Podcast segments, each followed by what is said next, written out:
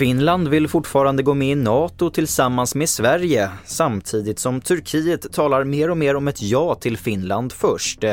Det är budskapen från Finlands statsminister och president under säkerhetskonferensen i München idag. Polisen utreder ett misstänkt mordförsök i Eskilstuna på en man i 30-årsåldern. Det var brottsoffret själv som strax efter klockan 12 i förmiddags larmade polisen till en lägenhet. Tre män som befann sig i lägenheten har gripits misstänkta för försök till mord. Antalet ansökningar om prospektering efter mineraler i Sverige var rekordlågt i fjol. Bara 104 ansökningar kom in till myndigheten Bergsstaten. Det är den lägsta siffran under hela 2000-talet. Sverige faller också i den internationella rankningen av länder som är intressant att prospektera i. Helena Kjellson är vikarierande bergmästare.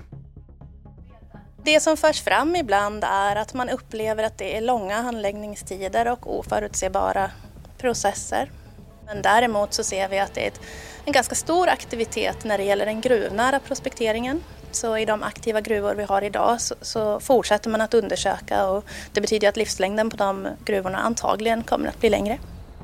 Och det får sätta punkt för TV4-nyheterna. I studion Albert Hjalmers.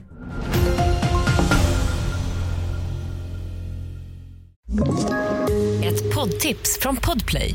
I fallen jag aldrig glömmer djupdyker Hasse Aro i arbetet bakom några av Sveriges mest uppseendeväckande brottsutredningar. Går vi in med hemlig telefonavlyssning och, och då upplever vi att vi får en total förändring av hans beteende. Vad är det som händer nu? Vem är det som läcker?